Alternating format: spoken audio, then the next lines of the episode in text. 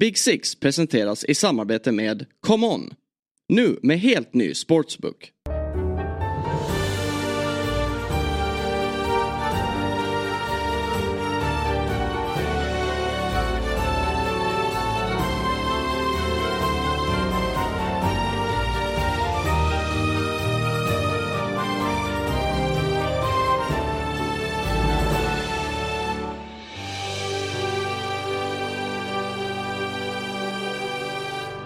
Då hälsar vi er varmt välkomna till ett nytt avsnitt av Big Six. Det är måndagen den 4 oktober. Är det inte alls, det är den 4 december. Ja, eh, och, det hade varit eh, det hade varit konstigt om det var den 4 oktober med tanke på att det är minus 10 ute.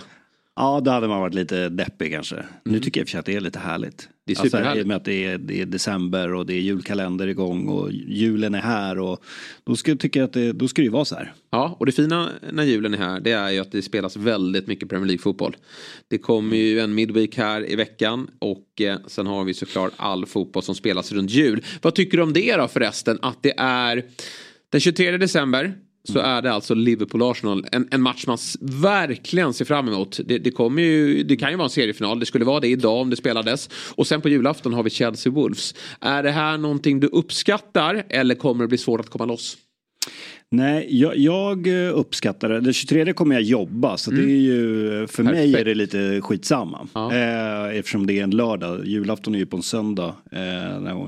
Sen att det är, eh, alltså Wolves-Chelsea, det, det känns ju lite eh, orent säkert för många. Speciellt för de som håller på de lagen här i, i Sverige att gå eh, på och, och försöka kolla den matchen. Men jag hade egentligen, nu ska ju den spelas eh, eh, lunchtid är det va? Ja, 14.00. Ja, 14.00. Så precis innan eh, mitt, stör lite Kalle där då.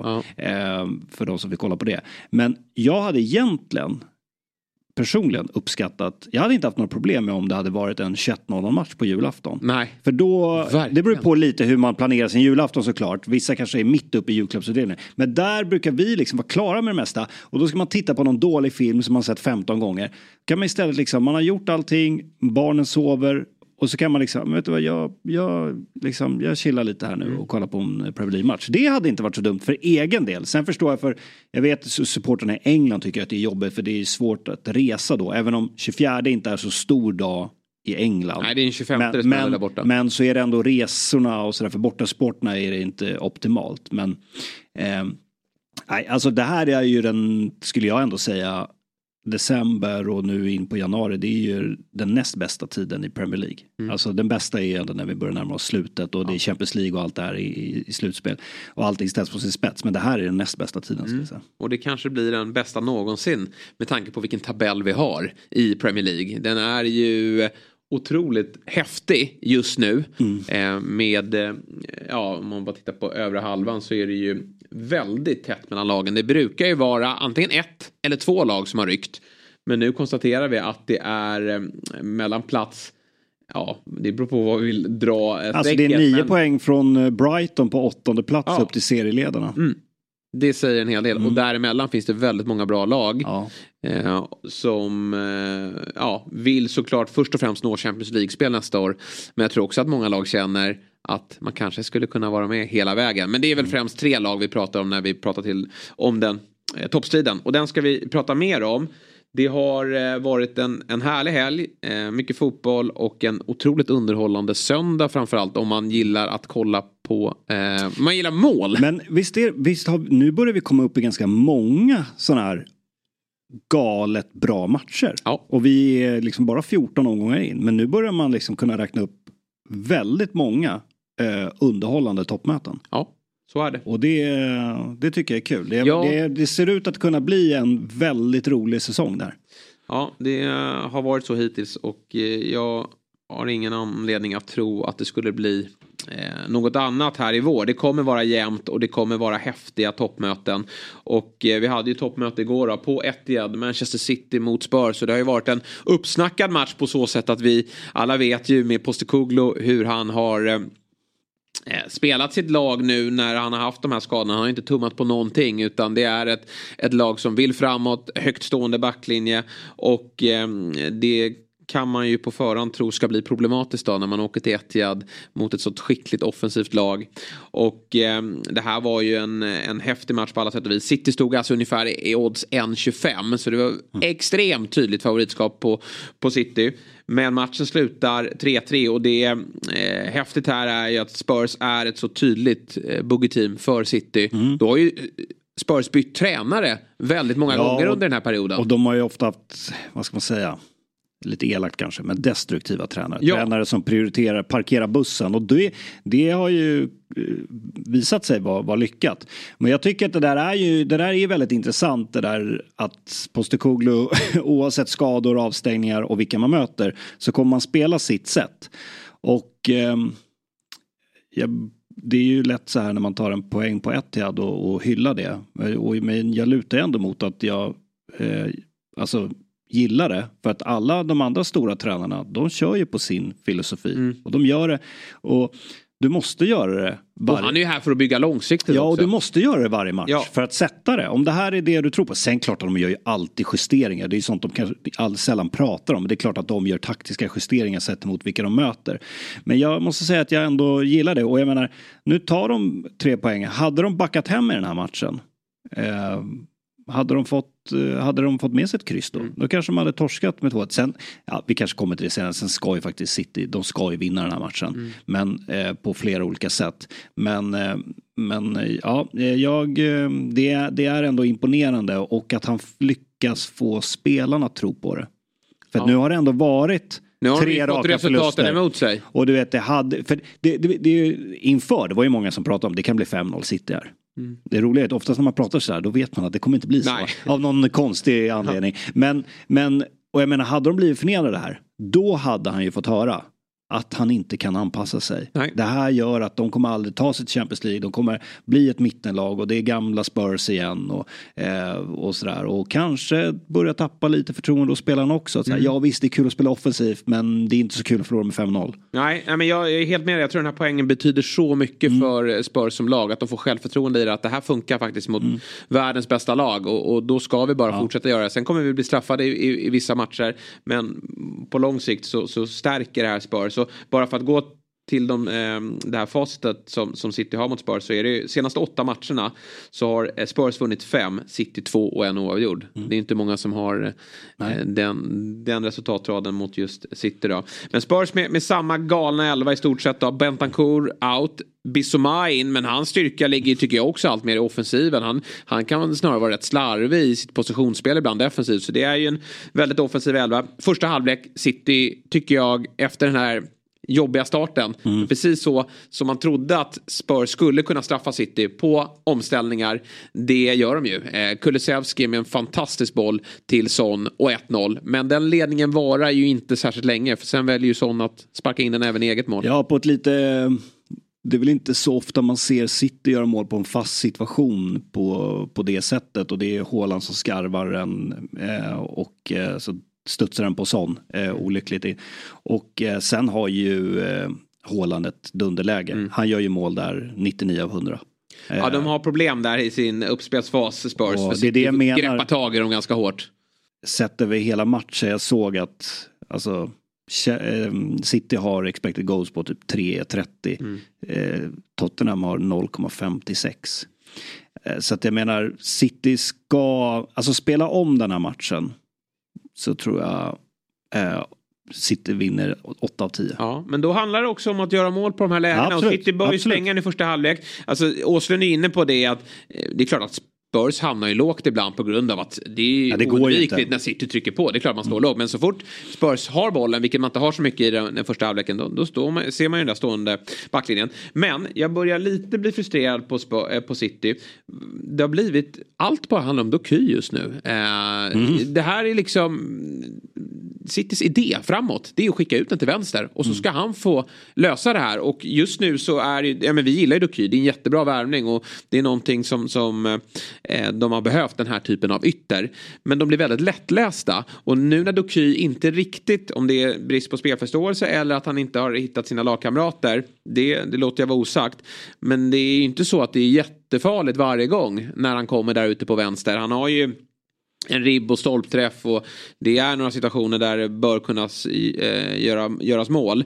Men jag tycker att det är eh, inte likt pepp att man är så enkelspåriga i sin offensiv. Eh, för mig ska City kunna attackera från alla håll och kanter. Och just nu blir det väldigt mycket ut på vänsterkanten mm. på Doky.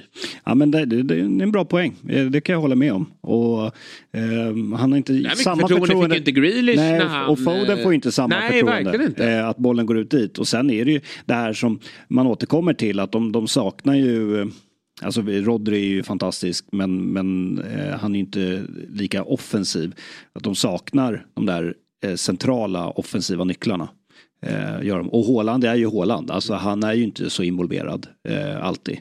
Utan han ska ju bara vara där framme och bomba in den. Så att eh, nej, ehm, eh, det kan jag hålla med om att de är lite lättlästa. Sen har de det här eh, kontrollerande spelet som eh, ofta är tufft för, lag när de inte får låna bollen. Men, men det kanske inte heller är faktiskt alltid så kul att kolla på. Det är Nej. kanske konstigt att säga när man pratar om City för att det är ett bolltrillande lag. Men eh, de, eh, de, har, de har inte lika mycket verktyg längre. Nej, alltså jag tycker att City när de har kontrollen bör kunna straffa Spurs mer. För Spurs har få defensiva spelare på banan och de är på, fler, på fel mm. platser. Emerson i mittback och Porro har sina styrkor i, i offensiven och eh, Dogi han är också en offensiv eh, vänsterback och Ben Davis har ju spelat mycket mittback såklart.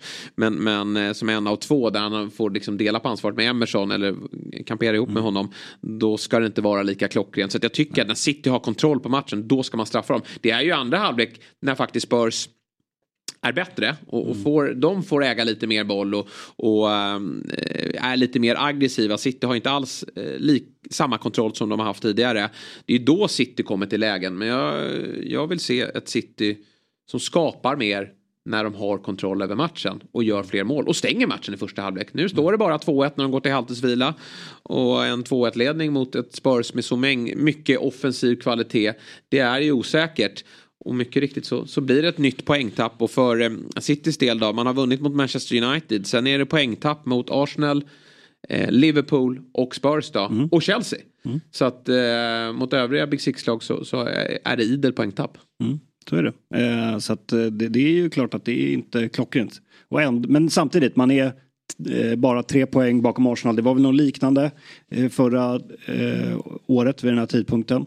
Eh, så att, det är inget konstigt att... Och jag tycker, jag tycker ändå att de är de har tillräckligt många chanser för att, eh, att de ska eh, vända den här matchen. Och sen har vi ju... Men de har bättre utmanare i år. De har framförallt två utmanare. Ja, det, det, Arsenal var ju bra i fjol och, vid den här tidpunkten. Men, men mm. de eh, kommer vara med där uppe och sen har och de, är Liverpool med där också. Ja, jag tror att de känner en större stress ja. jämfört med, med eh, förra säsongen. Det är inte konstigt att Pep måste hitta en ny väg till framgång. Och det brukar liksom lösa sig under, en period, eh, under ett år. För mm. de brukar trumma igång under våren.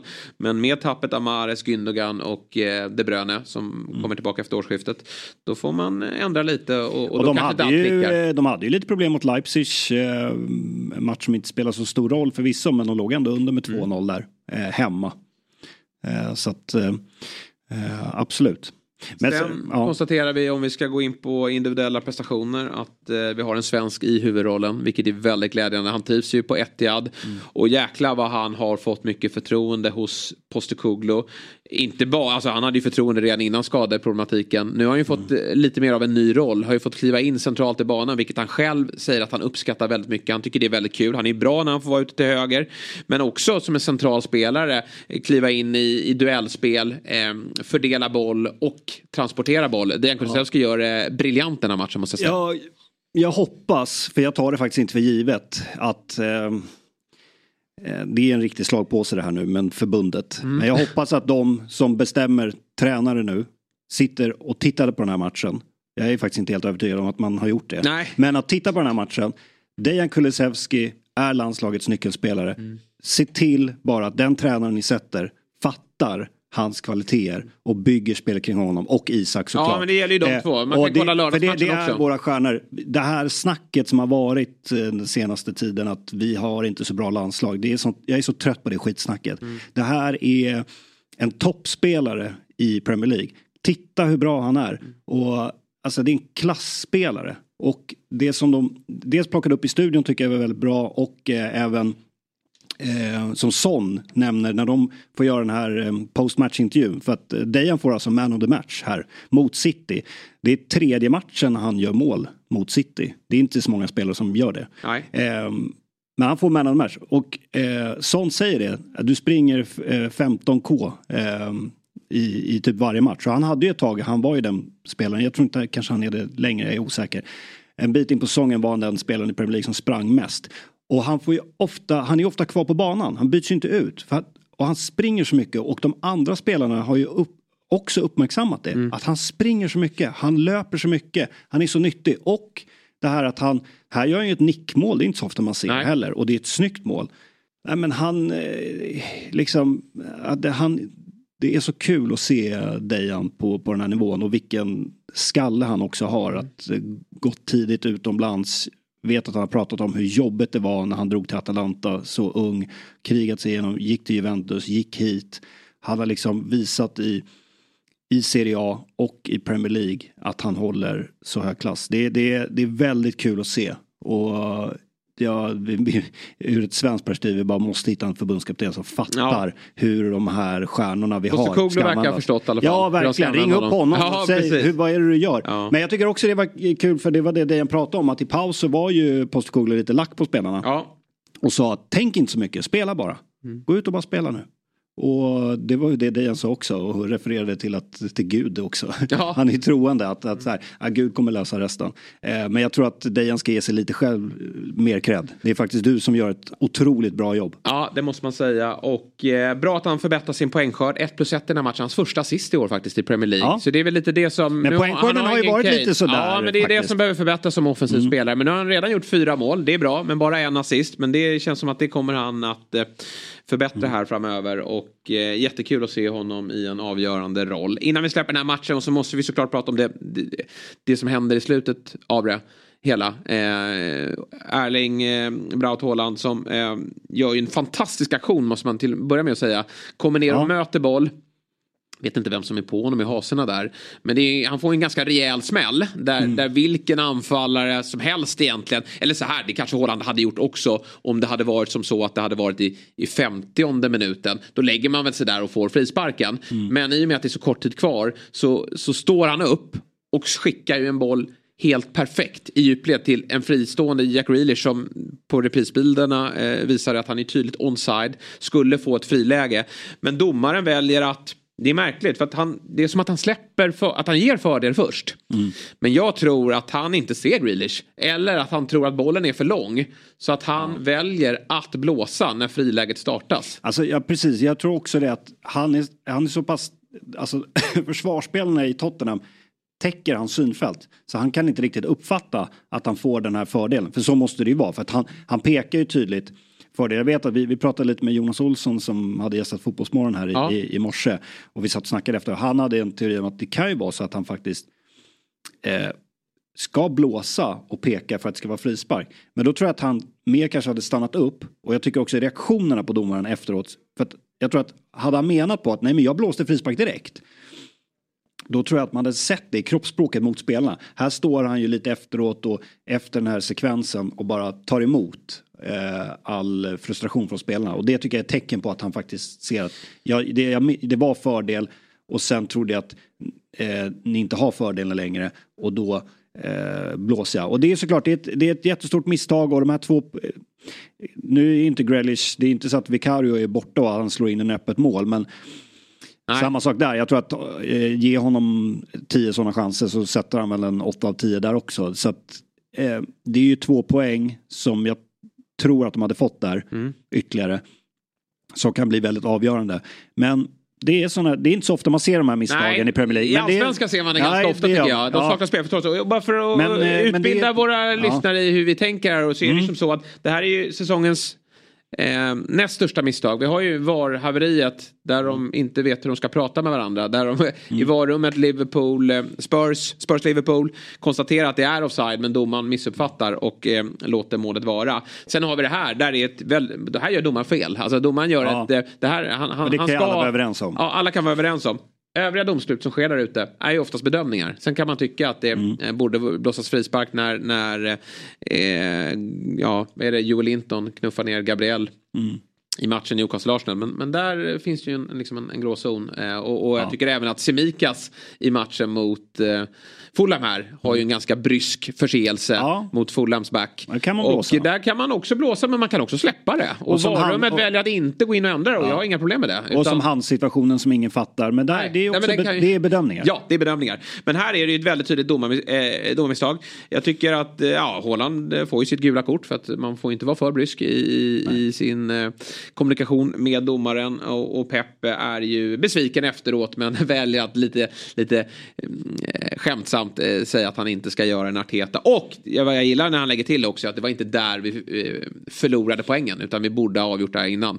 Eh, så att eh, vi har det sagt det också. Det är ju ett... Eh, det, eh, reaktionerna på Håland kommer bli, eller har väl redan blivit flera memes med hur frustrerad han är. Och att han eh, twittrar då, citat, twittrar då på den här situationen med what, the fuck. what the fuck. Och nu eh, skrivs det om att han eventuellt kan få ett straff.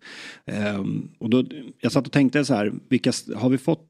För det finns ju eh, regler för hur spelarna ska uppträda eller inte uppträda på sociala medier. Uh, men jag vet att uh, när vi hade den här oktobermatchen med Liverpool och Tottenham så var det ju, jag tror att det var, det var Romero som twittrade att uh, vilken, vilken insats och så svarade ju McAllister på den på Instagram. Ja, det är lätt när man har tolv man. Mm. och det är ju skulle jag, jag tolka den är nästan värre. Ja, för där, är, där inser du ändå att det finns en konspiration att ni har domaren på er sida. Men han fick ju inget straff för det. Då tycker jag någonstans att skriva VTF inte är lika farligt. Så att jag, där tycker jag faktiskt att de ska släppa på det. De kan, han kan säkert få en varning ja. för det.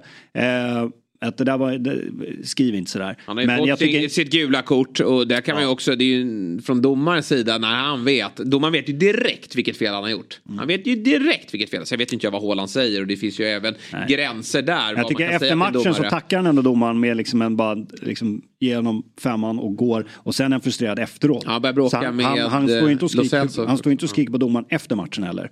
Eh, vilket jag tycker var, var smart. Utan han börjar ju bråka med alla andra lite och är ju riktigt frustrerad. Men det är ju också det där att de, de tappade en ja, ledning. Och, När de får 3-2 där eh, så, så ska ju matchen stängas men, men ändå så lyckas man släppa in. Erling was quite uh, furious at the end there and uh, he's out on Twitter's uh, writing what the F now after the game. Uh, what do you think about his reaction? It's normal. Reaction for 10 players with the referee. So before it was sent off for all the players. The rules for the referees, you cannot talk with the players and for officials, otherwise you'll be sent off. So we should have been sent off to players. So of course he's a little bit disappointed. Even the referee, if he played for Man City today, he would be disappointed. That's for sure. Tungt också för City att de får eh, Doku skadad. Eh, haltar ju av tidigt i, i eh, andra halvlek. Grealish kommer in och är bra ju. Eh, mm. kanske skulle fått avgöra den här matchen då. Mm. Men eh, gör 3-2 målet. Han är avstängd. Väldigt klumpigt. Vill han inte spela på Villa Park mot sitt gamla lag undrar man ju. Nej. Men eh, det är ju tungt då eftersom Doky saknas. Och sen Rodri. Vi vet ju hur viktig han är. Eh, fem gula redan. Har ju redan varit avstängd på grund av sitt röda kort. Så båda de missar, missar trippen till Villa Park här på onsdag. Mm. I en jäkla häftig match mot eh, Watkins och gubbarna. Känns som att det kan sluta 3-3 också. Ja, Ja, de har ju, nu, nu, Villa, de har ju problem på, Villa påminner ju lite om Spurs tycker jag. Mm. Alltså, de satsar ju också väldigt mycket framåt, läcker en del bakåt och tar en del risker mm. bakåt. Ja, den blir kul. Där känner ju Unai Emery, han, han blåser på där. Det är inget att snacka Nej, de har inget att förlora nej, nej, nej. på något sätt. alltså, med, resten med... är på sitt där. Jajamän, jajamän. Ja, den blir kul att se. Eh, onsdagen bjuder på väldigt mycket bra eh, fotboll.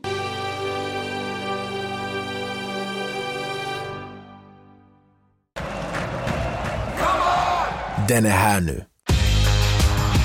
Commons nya sportsbook med en av marknadens tyngsta betbuilders. Nya spelare får 500 kronor i bonus. Nu kör vi!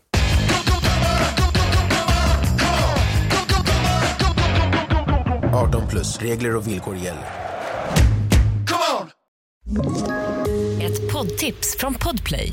I fallen jag aldrig glömmer djupdyker Hasse Aro i arbetet bakom några av Sveriges mest uppseendeväckande brottsutredningar. Går vi in med hemlig telefonavlyssning och, och då upplever vi att vi får en total förändring av hans beteende. Vad är det som händer nu? Vem är det som läcker? Och så säger han att jag är kriminell, jag har varit kriminell i hela mitt liv men att mörda ett barn, där går min gräns.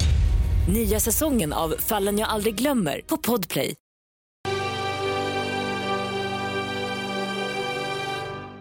Vi eh, lämnar City Spurs, tar oss till eh, lördag 21.00. Och Björn, du i, som är i branschen. Kan vi inte bara spela fotboll på lördagar 21.00, Ja, den är eh, härlig. 20.00 lokal tid varje vecka? Och Mm. sen tror jag i och för sig att motståndarlagen kommer säga att vi vill inte möta Newcastle på St. James' Park. För att kliva in där och möta de här eh, 11 vildhundarna. Det, det vill inget lag göra. Nej, jag tycker ju fotboll ska spelas på kvällarna. Ja. Generellt. Jag hade velat ha alla matcher sent. Alltså, Mm. Ja, nej, jag håller med. nej, men och speciellt stormöten. Det, det, eh, vi har pratat om tidigare med de här 13.30 matcherna och allt det där. Men jag, nej, jag, jag älskar de här sena matcherna. Och det här var ju en match mellan ett lag som vet precis vad de ska göra. Varenda spelare har en uppgift och tillsammans så skapar de ett maskin, en maskin som är eh, väldigt svår att eh, stå emot. Och så har vi ett lag på andra sidan som inte alls vet vad de ska göra. Förutom faktiskt mittbacksparet, Luke Shaw och Harry Maguire som gör en jättefin match i, i mittlåset faktiskt. Från ingenstans. Eller att Luke Shaw är en bra mittback, det förvånar mig faktiskt inte. Han är, han är en smart spelare, fin uppspelsfot och eh, hård i, han är, han är inte så lång då kanske, men, men hård i, i eh, i duellspelet. Men Harry Maguire, alltså det han håller på att eh, komma tillbaka ifrån. Ja, han är inte världens bästa mittback, det kommer han inte bli. Eh, Men, men jag tycker att det är den där karaktären han visar och vad United betyder för honom. eh, Det förstår jag att Ten Hag håller hårt i. Han, han, eh, han ska hyllas här. De, eh, alltså, Newcastle bör vinna den här matchen med fler mål. mål. Men eh, faktum är att det är inte så att Onana står på, står på huvudet utan United har hyfsad koll. Men är ju fruktansvärt tillbaka, tillbakatryckta i hela matchen. Och så fort United kliver över på offensiv plan Alba. De har inte en susning vad de ska göra. Och eh, jag måste säga det, det här med Newcastle, att det här är ju det ultimata sports, sportswashing-projektet. I- Man blir så lurad, för det går ju inte att ogilla, ogilla det här laget. Alltså, hantverket från Dean Ashworth, eh, sportchef, tillsammans med Eddie Howe, med att liksom få ut elva spelare som, som är i någon form av symbios med läktarna. Jag såg, The Athletic hade gjort en undersökning att Newcastle är det laget med flest spelare, hur man nu mäter det här, men med flest spelare som höll på det laget man spelade i som liten. Och det märks där ute. För helvete vad de sliter. Alltså 90 minuters stenhårt jobb. Och då ska vi veta att den här veckan har bjudit på Chelsea på hemmaplan i lördags. 4-1. PSG borta där man eh, får man har det väldigt jobbigt eh, sista eh, halvtimmen. Eh, man är ordentligt tillbakatryckta. Men man hade absolut kunnat vinna den matchen.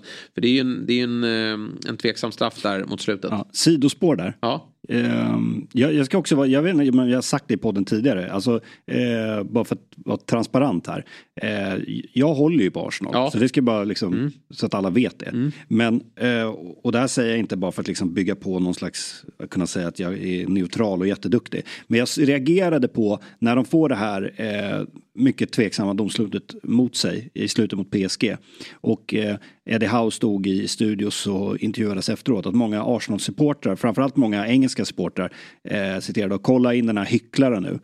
Och det måste jag bara värja mig mot. För att jag tycker att Eddie Howe är, är superrimlig och han går inte alls och pratar om att det är en disgrace och det här, det här är katastrof, det här får inte hända i fotbollen, vi måste göra någonting eller blir club statements och allt det där. Utan där är ju många studios som försöker elda igång Eddie Howe.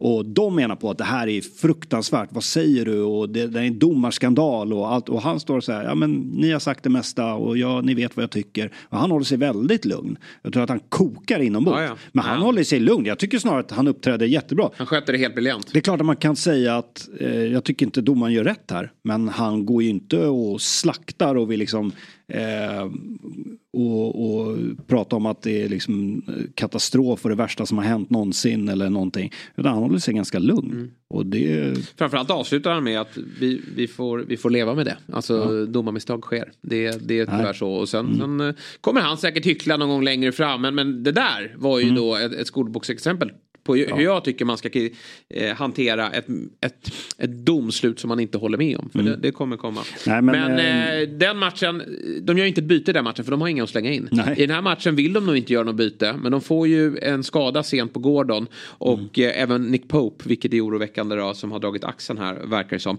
Mm. Men som de jobbar. Och eh, som sagt, spelare som jag menar, om vi jämför med andra sådana här typen av projekt eh, som där en klubb helt plötsligt har fått pengar. Eh, jag tänker ju främst då på, på eh, Chelsea i eh, början på eh, 2000-talet.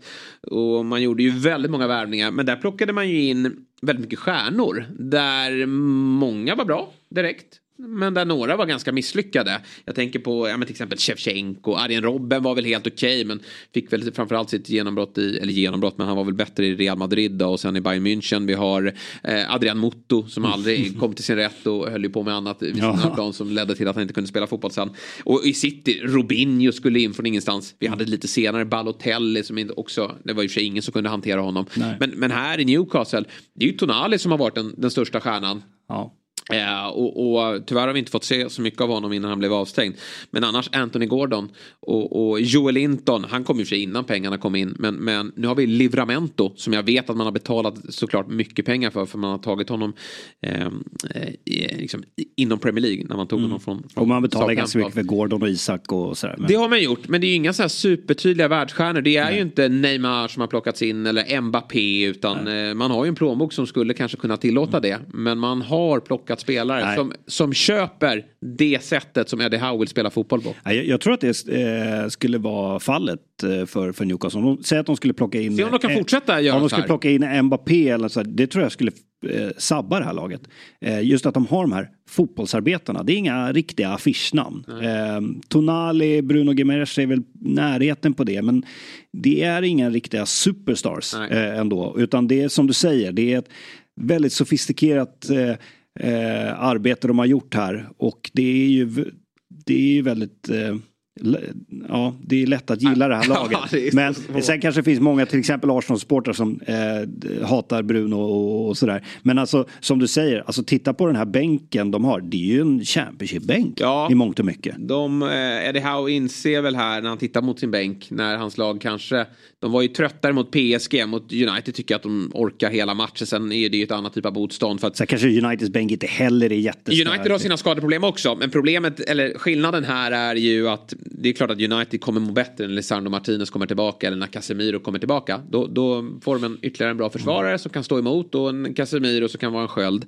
Problemet för United är ju att de inte vet vad de ska göra när de kliver in på en offensiv planhalva. De kan inte bedriva en, en, en framgångsrik fotboll. De kan inte kontrollera en match. Newcastle, de återigen, de får sina skador de har haft det, men det spelar ingen roll vilka de skickar in här då. Eh, nu kommer den här Miley in också, 17-åring, mm. som är ju helt briljant på det där centrala mittfältet och, och vet precis vad han ska göra och hade, eh, ja men han har ju också spelat varje minut här nu mot slutet och Eh, visar ingen eh, respekt för motståndaren utan är precis lika bra som, som mittfältarna som var där innan då, i form av Longstaff och eh, Tonali och, och, allt vad de heter. Så mm. det är, eh, jag, jag, måste få bli imponerad av Eddie House hantverk eh, som för, jag för övrigt lyssnade på en intervju med. Han var med i en eh, podcast som heter High Performance. Eh, som är tydligen väldigt populär. Och eh, där han sitter en och en halv timme och berättar lite om sitt avslut i Bournemouth. Mm. Eh, han var ju där i, i, i, många år, tog upp dem i Premier League och gjorde ett väldigt bra jobb till en början. Men där han körde lite in i väggen eh, mot slutet och eh, valde att, att kliva av. Och, och sen var det viktigt för honom att ta en paus. För att dels då liksom, kartlägga vad, vad var det som gjorde att man började gå dåligt mot slutet och, och vad kan jag göra för att bli en bättre tränare. Och han har tydligen dokumenterat varenda träning han har haft. För det, han, han är ju den typen av tränare som älskar att vara nere på, på gräsmattan.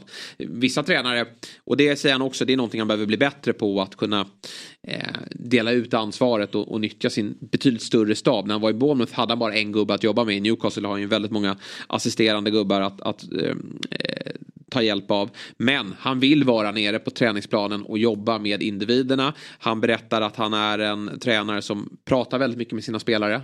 Där vet vi att det finns många tränare som inte har någon dialog. Jag vet inte vad som är rätt eller fel för jag har aldrig varit på den nivån. Men han eh, onekligen har hittat ett, ett eh, framgångskoncept. Och att när han tittar på eh, på spelare så är det ju att han vill ha åt gubbarna som jobbar för laget och inte jaget. Och att man är hårt arbetande. Det är det han vill få ut från varje individ som man plockar in till det här laget. Och eh, ja, det syns ute på plan. Eh, och det är eh, ett, en, en häftig Ja, det är, det är två häftiga år. Sen är, vet vi med Howe att pressen är ju där. Mm. Liksom så här, missat Champions League nästa år, vad händer då? Var, liksom, vad blir ägarnas nästa steg då? Eh, de, de vill ju ha resultat eh, per omgående, även om de kanske inte hade förväntat sig att Newcastle, Newcastle skulle vara så här bra så här tidigt. Så får man ju inte slå på takten här nu, utan framgångarna måste ju fortsätta. Men Eddie Howe verkar ju vara en, en suveränt bra tränare. Och jag tror ju att han eh, skulle kunna vara aktuell för ett engelskt landslag framöver, även om han givetvis är på en väldigt bra plats här och nu.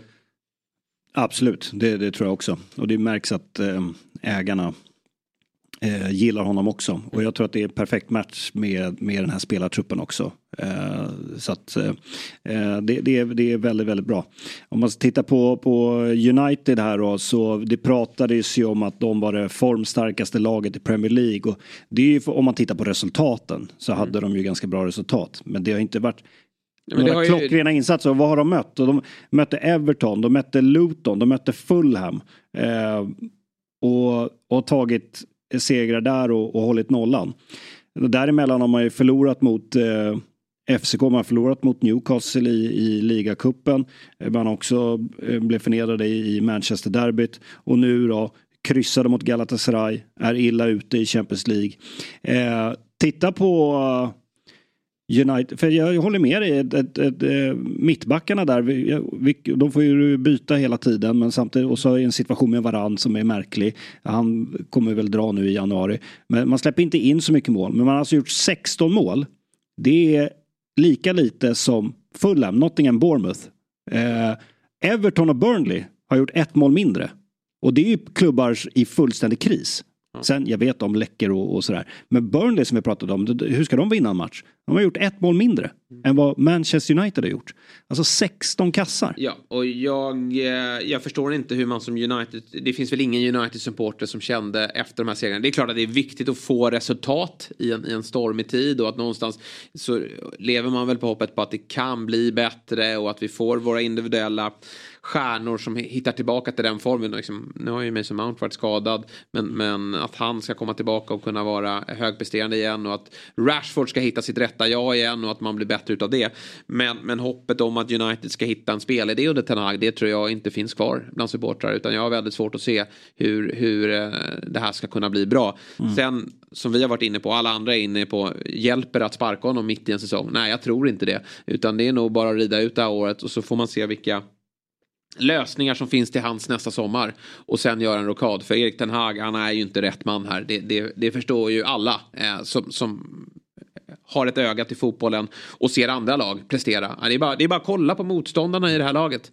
Kolla på vad Newcastle lyckas med, med den backlinjen. Med den backlinjen. Eh, mm. Hur man kan vara så otroligt bra över 90 minuter. Det, eh, borde vara tillräckligt för, för alla som eh, hoppas och tror eh, kring eh, Ten Hag att det, det, kommer inte att bli av. Sen, eh, jag blev jag hade tänkt att ge en rejäl salva till Marcus Rashford här. Men jag, jag såg att Jamie Carragher, han före. Men eh, han är nere i skiten nu igen alltså. Mm. Eh, det, han kanske inte mår bra, jag har ingen aning. Det är ju jättetråkigt om det är så, om det är mm. personliga skäl. För jag, jag, jag, tror nästan att det kan vara det. För ja, någonting, är, är ju, någonting är ju fel. Och eh, nu är det ändå, eh, det är väl det viktiga att få ordning på det i sådana fall. Men för Uniteds del och för Rashfords del också, kanske att man ska gå skilda vägar. För, för det är Rashford som ska bära det här laget. Det är han som ska tillsammans med Bruno kliva fram. Och även om inte det finns eh, till, till hans försvar då, eh, så tydliga riktlinjer i, i vad United ska bedriva för fotboll. Så uh, måste han kunna prestera bättre. Uh, och uh, jag, jag, tror att det är bäst att rycka plåstret här och, och, få in en bra slant. Rashford kommer till ny miljö, lämna England, kanske gå till PSG, kanske gå till La Liga, gå till Serie A. Mm få, få nya eh, få en ny miljö helt enkelt. För det här, det här håller inte längre. Eh, nej. Det... Och det tror jag har en jättestor påverkan i också. Så här, så här, Rashford, du är vår stjärna. Mm. Så här tar du dig an matcherna. Mm. Så här är du eh, när vi möter Newcastle. Hur är han på träningsplan? Vi har Martial där framme också som ju är lite samma typ av spelare. En, enorm höjd även om Rashford har ju faktiskt bibehållit den under en längre period och är i, i mitt tycke en, en ännu bättre fotbollsspelare när han får träff på saker och ting. Men att ha båda de gamnackarna där uppe eh, när United eh, förtvivlat försöker hitta någon form av eh, början på en framgångssaga. Det funkar inte. Nej, det gör inte det. Det är ett, det är ett jätteproblem. Eh, Jag tror ju dock att under en ny tränare, eh, rätt tränare, så kan det bli eh, Möjligt. bra fart på Möjligt, men jag bara, ja, jag känner Får jag att... slänga fram ett... Eh, alltså jag, jag eh, eh, håller ju fast vid det. Jag eh, tror ju ändå att United, eh, att, eh, jag har ju sagt att Ten Hag inte tränar United 2024. Nu är det inte så långt kvar Nej, av det här året. på dig. Men jag tror att de kommer byta tränare under den här säsongen. Jag tror det. Vi slänger fram ett namn som är på waiting list just nu. Mm. Sen kan man ju såklart United med sina pengar och ägarbyte som kanske sker och så där, kan ta en tränare som är aktiv. Jag ska faktiskt lägga fram en tränare som Julia Lopetegui. Ja. Tror jag hade gjort jätte, jättebra. Eh, det, det var helt sjukt att New, eller Wolves kunde ta honom. Han ville ju inte vara kvar för att han eh, började bråka där. Och det är väl det som är lite emot. Att han har ju faktiskt varit, hamnat i lite konstiga situationer i Real Madrid, i spanska landslaget. Eh, men titta på vilka klubbar han har varit på. Om man ifrågasätter om man kan hantera stjärnor. Alltså spanska landslaget, Real Madrid, Sevilla, vunnit titlar. Eh, jag tror att det hade eh, funkat jättebra. Eh, Sen om det är en långsiktig lösning eller bara just nu. Jag tror att han nog skulle vilja sitta skriva ett långt kontrakt såklart. Eller det vill väl alla tränare. Men jag tror inte han skulle bara hoppa på en vår. Men där slänger jag fram ett namn som jag tror skulle faktiskt göra ett jättebra. För det är inte så många av de här världsklasstränarna som är tillgängliga. Nej. För det tåget har ju gått. Det är väl Conte då, men han känns inte i glödhet väl så han går väl och så- väntar väl på uh, Inter eller Juventus-jobbet där va? Nej precis. Sen är det kanske Roma har ett, det. ett sätt som United tidigare har spelat. Det har ju varit mycket så. Alltså, eh, stabilt bakåt. Eh, ganska raka offensivt. Så det skulle ju kunna funka eh, också. Men eh, vi får väl se. Men eh, Ja, Chelsea på onsdag i alla fall. En, eh, ja, vi Ja. ska inte döma ut United här och det är inte så att Chelsea är fantastiska och United har ju lyckats lösa resultat men det där blir en viktig match för båda lagen. I, eh, för de är absolut inte avhängda på något sätt. Så det är därför nog ändå Nej. United Men Newcastle gick om dem känner hopp i att så här, kan vi bara få eh, tillbaka lite spelare från skadelistan som gör det här laget Nej. bättre. ja, poängmässigt är det ju ingen mardröm. Nej, men framförallt då så är det ju att eh, det går inte se eh, något mönster i hur United vill eh, anfalla. Mm. Faktiskt. Det vankas den första Midweek-omgången i Premier League den här säsongen och vi har såklart en trippel eh, att presentera som vi gör tillsammans med Common som precis lanserat en ny sportsbook med riktigt grymma odds. Och Kalle, det är du som sitter här och ska presentera den men det är Sabris trippel. Ja, du kan skylla på honom nu om den inte, den kommer ju sitta men om nu någonting enormt skulle gå fel. då har jag ryggen fri, vilket är skönt. Eh, och då har Sabri hittat tre matcher på onsdagen. Eh, och först ut är Man United-Chelsea där han eh, tror att båda lag är mål och eh, det tycker jag låter väldigt troligt. Eh, två lite halvsvajiga lag. Sen är Aston Villa Man City eh, där han tror att Man City ska vinna och det blir över 2,5 mål i matchen och det brukar bli eh, mål, eh, glada matcher när båda de här lagen spelar så att det säger väl sig självt det där. Och då Sheffield United-Liverpool som sista match på trippen och där ska Liverpool vinna halvtid och fulltid och detta ger ett boostat odds till 6.30. Som alltid finns spelet på common.com under fliken experterna och dyker även upp på vår Twitter där vi heter Big Six. Kom ihåg att du som spelar måste vara minst 18 år, spela ansvarsfullt och har du eller någon i din närhet problem så finns stödlinjen.se till hands. Vi säger stort tack till Common som är med och möjliggör Big Six. Eh, bra, vi lämnar United och eh, fortsätter på lördagen. Vi bara Eh, eh, flika in eh, Isak återigen bra här. Är ju Verkligen. involverad i målet på ett Ja, väldigt ja. snyggt sätt. När han går upp och möter bollen och spelar vidare. Eh, så att, eh, är han är ju i väldigt bra form just nu. Ja, Isak. bara hoppas han inte går sönder. Nu såg jag att Wilson är tillbaka, det tror jag är bra för, för eh, hela Newcastle. De behöver få tillbaka lite spelare där, precis som många andra klubbar. Ja. Vi tar oss till eh, 16.00 Arsenal Wolves. En match som blir onödigt spännande. Arsenal ska ju ha avgjort det här eh, långt, långt innan. Ja, det blir lite nerv här Ja. eh, faktiskt. Eh, Men eh, Sinchenko slarvar. Han tenderar att göra det då och då. Mm. Ehm, Det är, det, det är därför jag tror att han är lite ut och in i elvan. För offensivt är det ingen som ifrågasätter Sinchenko. Det är otroligt fint, eh, fin framspelning till Ödegaard på, på 2-0 målet är det väl. Men eh, ja, det kan vara lite slarv ibland eh, bakåt. Eh, och det här blir onödigt spännande. Men jag tycker ändå att Arsenal framförallt i första halvlek är riktigt bra. Varom, eh, det de- häftiga med Arteta är ju att han är så nyfiken och experimenterar med, Mm. med sitt lag. Eh, här finns det ju ingen tydlig sexa på det här mittfältet. Det är ju väldigt offensivt balanserat Mm. och det är inte så. Man tror ju att när man ser det här laget, ja men det är väl Declan Rice som ska täcka upp. Men han fyller ju på. Och jag, jag räknade nog till det att när Arsenal gör sitt otroligt vackra 2-0 mål så tror jag de är Sju av tio utspelare in i boxen. Eh, Eller i alla fall strax utan. Så de, de fyller ju på och alternerar. Ibland är Tomiyasu med uppe vid straffområdeslinjen. Sinchenko, eh, Ödegaard, Trossard, eh, Rice. Ja, det, det är så otroligt många offensiva alternativ. Och när de har den där energin och självförtroendet då, är det inget kul att vara motståndarlag alltså. Nej, så kommer de med en 6-0-seger Ja, ja. mot Lans som i och för sig såg ut som Degerfors typ i den matchen. Det var, det var alltså det hade kunnat bli tvåsiffrigt i den matchen. Men där kommer de in med mycket självförtroende och just att Ödegård får göra ett snyggt mål i den matchen. Kommer in här, det här 2-0 målet är jättesnyggt.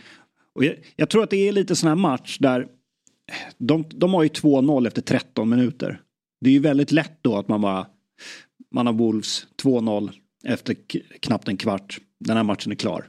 Och så blir man lite bekväm. Det där är alltid, det där är alltid farligt. Men jag tycker att Arsenal nu med fem raka segrar, inkluderat Champions League, eh, är ju eh, riktigt starka just nu. Och förutom det här misstaget som Sinchenko gör så, så är man ju kontrollerande och, och säkra. Men och, lite mer fria i den här matchen tycker jag. De har Ja. fått lite gnäll på sig Ja. då att de kanske har varit lite för mycket kontroll. Nästan tråkiga men såklart helt eh, dominanta och det tror jag att de känner ändå. också att mot Wolves kan vi nog eh, Ja, trycka på Det kändes som mer. att de var, eh, hade lite större utrymme att, att bara ösa här. Mm. Och ja, men det är väl att de borde gjort, liksom gör de 3-0 här i första. Eh, det var bud på mer. Att Jesus petar in någon boll eller att Martinelli får ordning på, på avslutet där. Då är matchen stängd. Sen är det ju som så att man vet ju att alla Premier League-lag kan hota framåt. Det är väl bara Sheffield United som är Mm. helt värdelösa. Men vi har sett Burnley göra det där 2-1 målet eh, mot eh, Arsenal och nu är jag menar det, Wang och, och Kunja är bra spelare så att när de får in där så blir det nervöst och man har inte råd. Precis som att Liverpool inte hade råd att tappa poäng och gå mot Fulham så har ju faktiskt inte eh, Arsenal det utrymmet när man nu faktiskt går för titeln. För det, det är ju det som är målet här nu. Arsenal ser ju det vi alla andra ser också. Att City kanske har en sån här säsong där man inte riktigt får träff på saker och ting och ett Arsenal som har blivit ett år bättre under Arteta. Nej, det, det ska bli så jäkla kul att, att, att följa det här för jag tycker att de, eh, de är bra. Ja, ehm, men du, du pratade om att vi, vi har väl tre eh, klara titelkandidater Ja, här. Och det är ju de som är 1, 2, 3 nu. Arsenal, Liverpool, City. Och eh, Arsenal som möter Liverpool den 23 december. Eh, den blir ju väldigt, eh, väldigt häftig. Nu är det flera matcher som spelas innan det. Men så här på förhand är det väldigt svårt att säga om den, hur den matchen ska, ska sluta och, och, och sådär. Men eh, Nej, jag tror det, båda lagen går fullt. Om man tittar på spelschemat Ja. så, så kommer de ha tagit idel tre poänger fram till dess. Ja, Då blir det en jäkla eftermatch. Ja, precis. Arsenal har um, Luton här näst och sen har man Villa, sen ska man möta PSV. Villa är lurigt. Det, den, den... Och sen Brighton. Mm. Men eh, och PSV-matchen eh, spelar ingen roll där man har ju eh, gruppsegern där. där kan Så man där rotera. kan man eh, rotera. Även om man noterar att många av de här storklubbarna går i Champions League, till exempel Bayern München som mötte FCK, en betydelselös match. Varje match är så viktig och de får kritik vid minsta poängtapp. Och nu tappade ju ändå Bayern München poäng. Men de ställer ut bästa lagen nästan hela tiden och vill hålla igång dem. Men eh, eh, och jag tror också att Arsenal känner att ja, men förra säsongen det var kanske lite för tidigt. Eh, och, och mentalt var det tufft. Eh, Och så var City väldigt bra. Alltså kanske City var det, väldigt- det hade räckt en, en säsong där Ja. City har ett år som i år. Men nu kanske. tror jag att Arsenal känner att, för man vet aldrig vad som kan hända nästa säsong. Eh, man kan få en dålig start, spelare kan försvinna, det blir osynk med allting och det kan gå. Jag tror att Arsenal känner det här är vår säsong. Ja, nu ska nu vi ta det. ska vi ta den Ja, här jävla titeln. Det är alltså inget- det, det är det om det handlar Och om. jag tycker också vad som är bra för ett, ett talande för ett lag som, som är ett topplag och så som titlar. Det är ju att spelare 13, 14, 15 också är väldigt bra. Alltså Trossard, han är van vid att inte starta varje match. Men när han kommer in är han väldigt bra. Havertz börjar motbevisa tvivlarna och gör viktiga mål när han kommer in. Även om jag tycker inte att han är någon, någon startman så är, är han väldigt nyttig att ha. Du har ju nu, Eddie Enketia borde väl gjort mål men, men honom ska de ju behålla för honom kommer de också få nytta av. För att han kommer göra sina mål eh, den här säsongen också. Så det finns en, en, en bredd eh, att ta av där och det är inte bara att de Alltså, de håller de här spelarna i bra form också. Så att när de väl spelar så, så är det inte bara att de söker efter någon form utan de är i form. Det blir ju intressant här mellan de här titelutmanarna då, som vi får benämna dem, de här tre. Vi minns i somras, då var eh, City och Arsenal gick eh, toe to toe om Declan Rice. Arsenal vann den. Nu pratas det om att Liverpool också är intresserade av Douglas Luiz i Villa som Så. Arsenal är. Och jag läste rapporter om att Liverpool är beredda att gå ganska långt och att Arsenal kommer nog inte pusha det så långt. De kommer nog lämna ett budkrig i sådana fall och kliva åt sidan. Sen får vi ju se. Det finns ju ett Aston Släpper Villa. Släpper Villa, det kanske de inte gör. Nej. Men eh, eh, jag tror att Douglas Luiz känner att, vänta nu, alltså både Arsenal och Liverpool vill ha mig. Jag tror att hans agenter kommer ju pusha för en övergång. Absolut. Och eh, där blir intressant vem som går vinnande ur den kampen.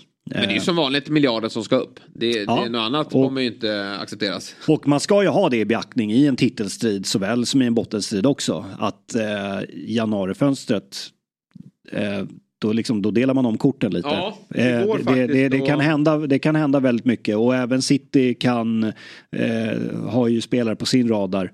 Får de träff på de gubbarna eh, så kanske de blir sådär starka till exempel centralt. Ja, där heter ju nyförvärvet Kevin De Bruyne. Jaha, det också. Det är ju verkligen, där får vi se vad som händer med City, vilken form han är Och om Arsenal plockar in en sån som Osimhen eller Ivan Tony eller Ollie Watkins. Eh, som sagt, det kan vara svårt att lösa de här spelarna.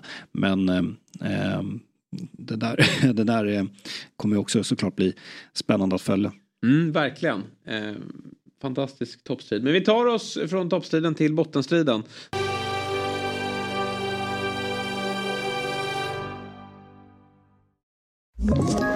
Ett poddtips från Podplay.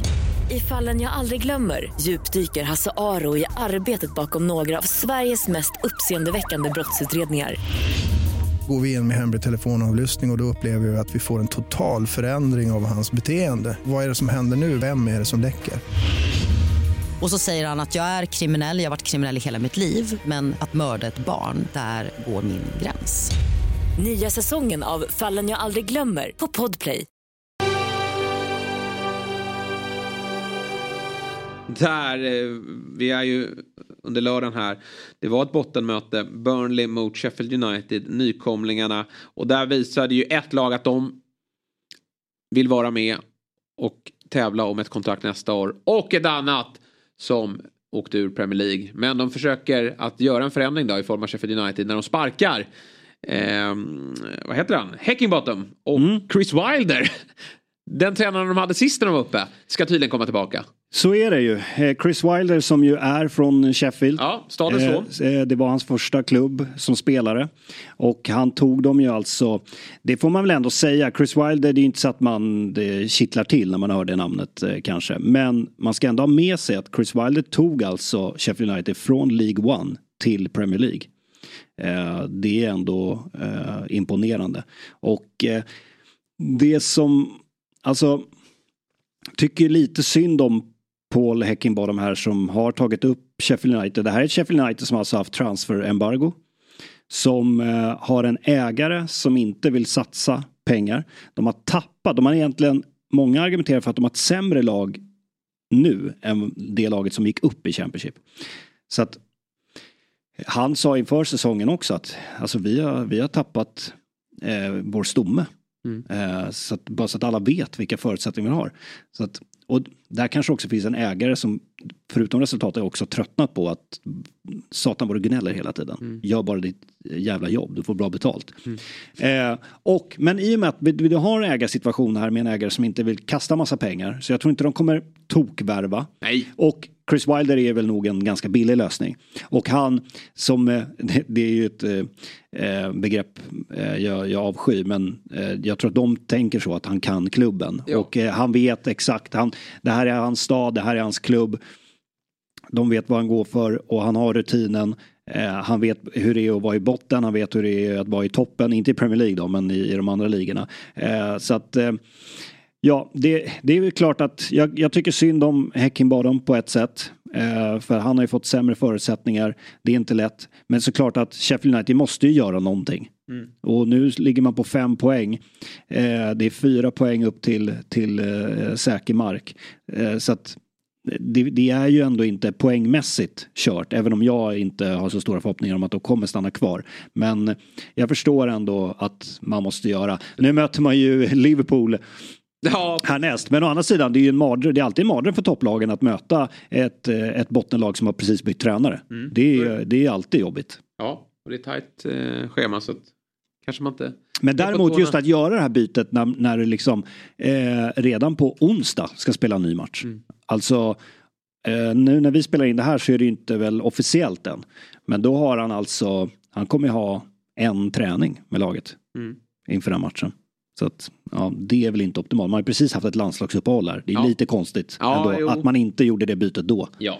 Och Men det är det ja. vad, vad skulle han ha gjort? Det är Men- svårt att kritisera honom allt för hårt. Men det är klart att en förändring då efter 5-0 och det McBurney sysslar med här och tar de här två gula korten med armbågarna. Det är ju liksom, visar ju på att det är en klubb som är extremt eh, illa däran. Och jag tror att Chris Wilder kommer väl in här kanske för att man ska mjuklanda i Championship också. Alltså att man inte kraschar igenom här nu. Utan vissa klubbar gör ju faktiskt som så när de inser att det är kört att man förs- börjar förbereda sig inför nästa säsong och kanske studsar tillbaka direkt då istället. För blir För, tufft. för Burnleys del, eh, väldigt skönt. De höll ju på att bli negativt historia, historiska. Eh, hade, alltså, de har ju förlorat varje hemmamatch Mm. fram till det här. Hade de förlorat den åttonde raka i inledningen på säsongen. Alltså det har aldrig hänt Nej. i, eh, i, i, alltså i proffsligorna i England. Det har aldrig hänt tidigare. Att ett lag har inlett med åtta raka Nej. hemmaförluster. Eh, det är rätt sjukt. Gamla fina Turf Moor där de var så starka Ja. eh, tidigare under Sean Dyche. Men, men, eh, Men det- oj vad viktigt apropå tränare Ja. att få den här 5 Ja men han har ju liksom tjatat så mycket här nu. Han har ju nästan framstått som, som en eh, idiot. Men, men med en dåres envishet så har han ju slagit fast att vi spelar bra. Det kommer att ge resultat och en ruskigt tung förlust mot West Ham förra helgen. Men här tar man tre poäng och man gör det på ett väldigt imponerande sätt då. 5-0, stora siffror. Och vi eh, är ju väldigt glada eftersom Hjalmar Ekdal också då fick hoppa in sista tio. Och det gör han nog mycket på grund av att eh, Beijer, hans tidigare mittbackskollega från i fjol då, är avstängd på tisdag mot Wolverhampton på bortaplan. Så väldigt mycket talar för att Hjalmar Ekdal får sin första start här. Ja, det är kul att se att han är, att han är tillbaka. Ja, Verkligen. och eh, Burnley eh, Och trots med 5-0 självförtroende där. så, trots 5-0 så har ju Burnley läckt mycket så att det, eh, Hjalmar kommer ändå in i ett eh, bra läge här Absolut. nu. Det talar ju för att han ska eh, få spela. Ja, nej, han, han, och att han är, verkar vara tredje mittback här nu. Det, Mm. det, det är bra för det, det kommer spelas mycket matcher och, och han kommer få sin speltid om han eh, sköter sig här nu. Så det är väldigt kul. Bra, eh, det om lördagen. Under söndagen så var det två topplag i farten. Eh, Chelsea-Brighton mm, och Liverpool-Fulham. Konstaterar väl att eh, Chelsea sätter sig skiten igen. Mm. Gör en ganska bra, jag har främst fokus på Liverpool och Fulham här, men jag har Chelsea Brighton på också. Jag tycker att Chelsea gör en rätt okej första halvlek, får utdelning, två lätt, ganska lätta mål, vilket man ibland får från eh, Brighton. Ja, alltså Men- Enzo Fernandes, kort, en av de kortaste spelarna i Premier League, ska Ja. inte få, Nej, ska inte få nicka in ett mål. Och, eh, att det var tre hörnmål i den här matchen kanske man inte såg riktigt på, på förhand. Men absolut, och eh, Gallagher avstängd. Ja. Onödigt andra gula. Du, det är alltså andra matchen i rad här som kaptenen Mm. i Chelsea kliver fram och tar två gula. Chelsea är det lag som har fått flest varningar i år. Mm. 49 stycken. Och de som skuggar det är liksom Wolves och Sheffield United. Det är ju Ja, bottenlag. när du Vad har, håller de du, på du med? har liksom, visst vi har ju, vi har ju eh, kastat skit på United där men det är ändå Old Trafford borta som väntar och du har ett gult kort. Och han menar att han träffar bollen, det gör han ju inte alls utan han tar ju, alltså det, det är så dumt. Och han är ju som viktig spelare, han är ju en av Chelseas viktigaste spelare. Absolut. Så att, eh, nej, det var, det var dumt. Men de tar ju en, en, en, en, en, trea Ja, men det är viktigt för de har ju ändå gått på en del plumpar den här säsongen och har eh, många onödiga förluster. Och här känner man ju, eh, Brighton hade ju gjort 2-1 precis innan det här röda också. Så nu känner man att nu, nu, nu blir det en svettig andra halvlek. Men man får den här eh, straffen då och får lite vila ut 3-1. Sen kommer målet på tilläggstid, många minuter där och, och det blir ganska oroligt faktiskt. Så att det är en skön seger för Chelsea. Men ge fan i de där onödiga korten. Ja, det måste de Det sluta är väl med. så vi summerar det. Och vi får se här mot eh, United. Det blir oerhört viktigt. För tittar man till tabell så ligger ändå Chelsea på den här eh, onödig, eller på den här lite, lite ingenmansland. Men skulle man ta lite trepoängare här nu, för Chelseas schema ser bättre ut. Och tar man en trepoängare mot Manchester United, sen tror jag Everton väntar på hemmaplan. Ja men då kanske den här resan kan börja inledas mot, alltså, mot kanske hopp om Europaplatser. Ja, Eh, Brighton för övrigt har ju kämpigt med eh, skador. Eh, och eh, Mittoma är ju inte med i den här matchen. Ansu Fati är borta tre månader. Och sen finns det en massa andra spelare som eh, inte är friska. Louis Dunk har ju, är ju avstängd och Solly March har opererat sig. Estopinian, Enciso, Welbeck, Webster, Lamptey. Ja, det har ju och själv. på det så är ju också ett Brighton, de blir ju strippade på sina spelare som har varit bra. Ja. Alltså de har ju sålt också. Absolut. Många bra spelare. Och det är Och klart Europaspel. Och det är klart att Där man gör det bra ifrån. Ja, men det, och det är klart att det, det är kombination med skador. Det är klart att det, det på, påverkar dem. Ja, det påverkar ett sånt lag mer än vad det gör med topplagen som har eh, bredare eh, trupper. Då. Tungt eh, för Brighton men eh, de hittar nog tillbaka. Ett annat lag som man lider med det är ju Fulham. Ja, har man 3-2 i 86 minuten och sen pang bom. Går Men in- därifrån tomhänta. Kommer jag, jag är lite discover här känner jag. Jag är mycket Ja, statistik ja, idag. okej, du- det är Eh, du som är statistiknisse ja, idag. statistikgubben. Liverpool är ju det lag som har gjort flest mål sista kvarten. 11 mål Ja. har de gjort. Mm. Du har Arsenal på 9 mål eh, som är tvåa. Och det här pratade vi om inför säsongen när vi fick reda på att det ska bli mer tilläggsminuter. Mm. Att de större lagen kommer bli jobbiga. Dels bra beredda att kunna skicka in, skapa större tryck. Motståndarlagen från botten, eh, bottenregionen. De faller tillbaka, blir rädda och så smäller det. Som du säger, har man 3-2 i 85 då ska man kunna lösa det här. Men icke sa Nicke, Liverpool har en jäkla tyngd just nu. Ja, och Liverpool har ju en tendens också. Nu hamnar de inte i underläge i första halvlek här. Men det ju, har varit ganska många matcher där de faktiskt hamnar i underläge. Och de, och de släpper ju in mål, två mål i, i första halvlek. Det har ju också varit ett litet problem för, för Liverpool. Men de är väldigt starka och det tycker jag generellt sett många av de här topplagen är. När vi kommer in mot den sista kvarten. Ja.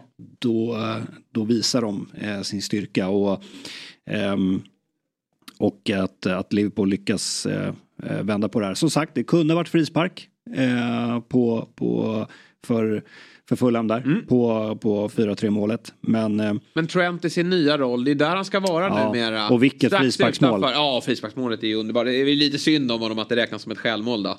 Eh, Men, Ja. eh, från, från Leno, men, men oj vad, vad, vad kul att se Trent. eh, Att han får vara matchvinnare och, och i eh, den här nya rollen som han blir bättre och bättre i.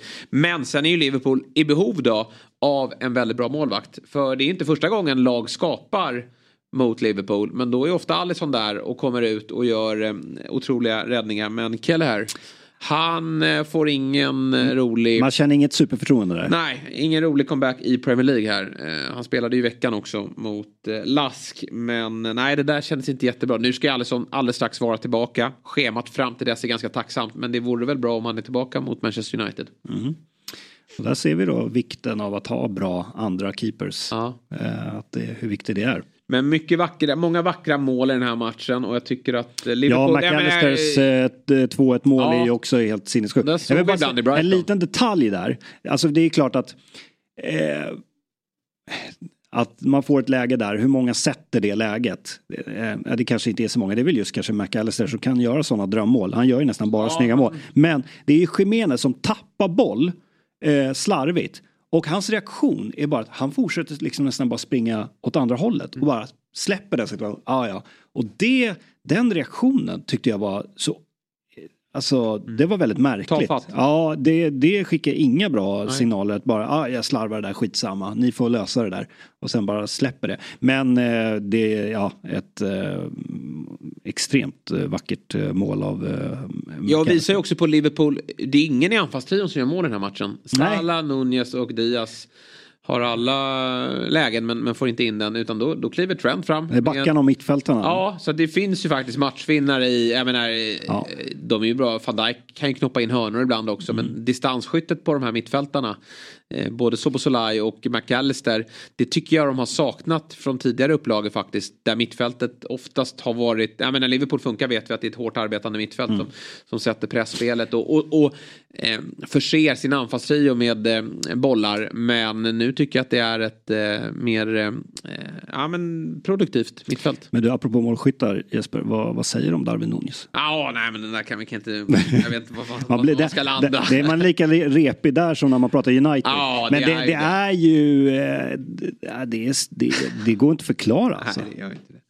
Han... eh, nej, han får klippa sig. Alltså han kan ju, ja det, den där Den tofsen. där, då visste man ju. Ja, ja precis. Eh, ja, det sitter inte i håret eh, Nej. på, på honom. Men alltså han, han ska ju göra två mål här. Ja, Men hur, han måste ju gå mot någon slags världsrekord i ramträffar på en säsong. ja, det är helt ofattbart alltså. Det går ju... Det kommer bli en lång... När hans karriär är över kommer det bli ett... Eh, en, en lång YouTube-film eh, med alla hans missar.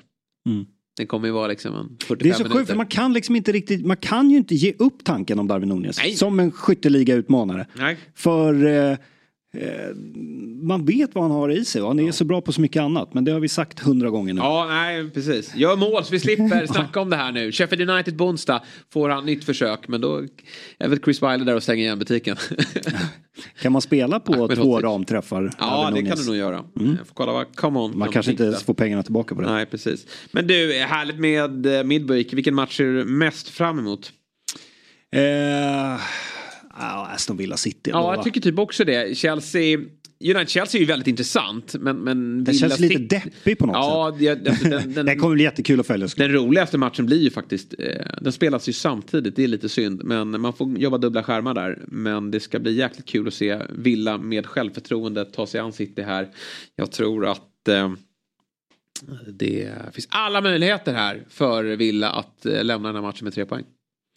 Ja, ehm, absolut. Och jag, jag tror Viktig trea igår. viktig trea. Och jag, ja, precis. Och vända där sent, eh, starkt. Och eh, att... Eh, ehm, jag tror att det eh, kommer bli en underhållande match. Och jag tror att vi vet ju hur Villa är. Precis som Spurs. De kör ju bara.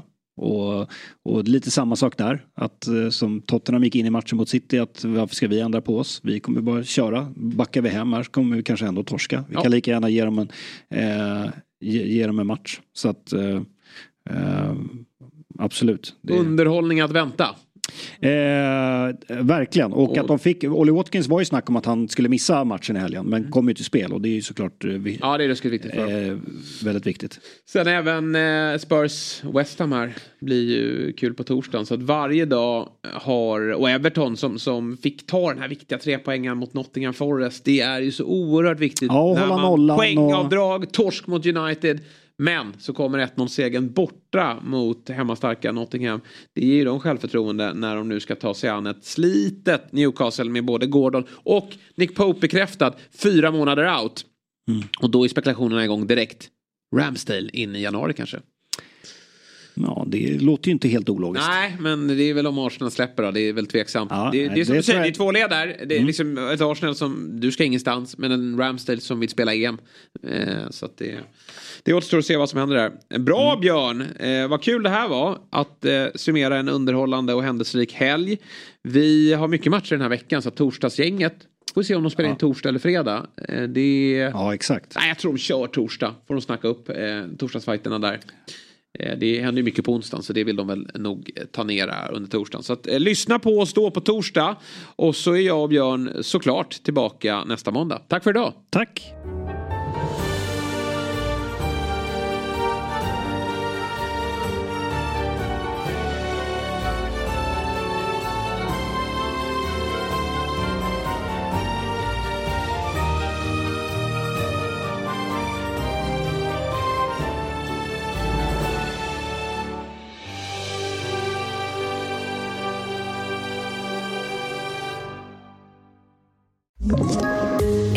Poddtips från Podplay.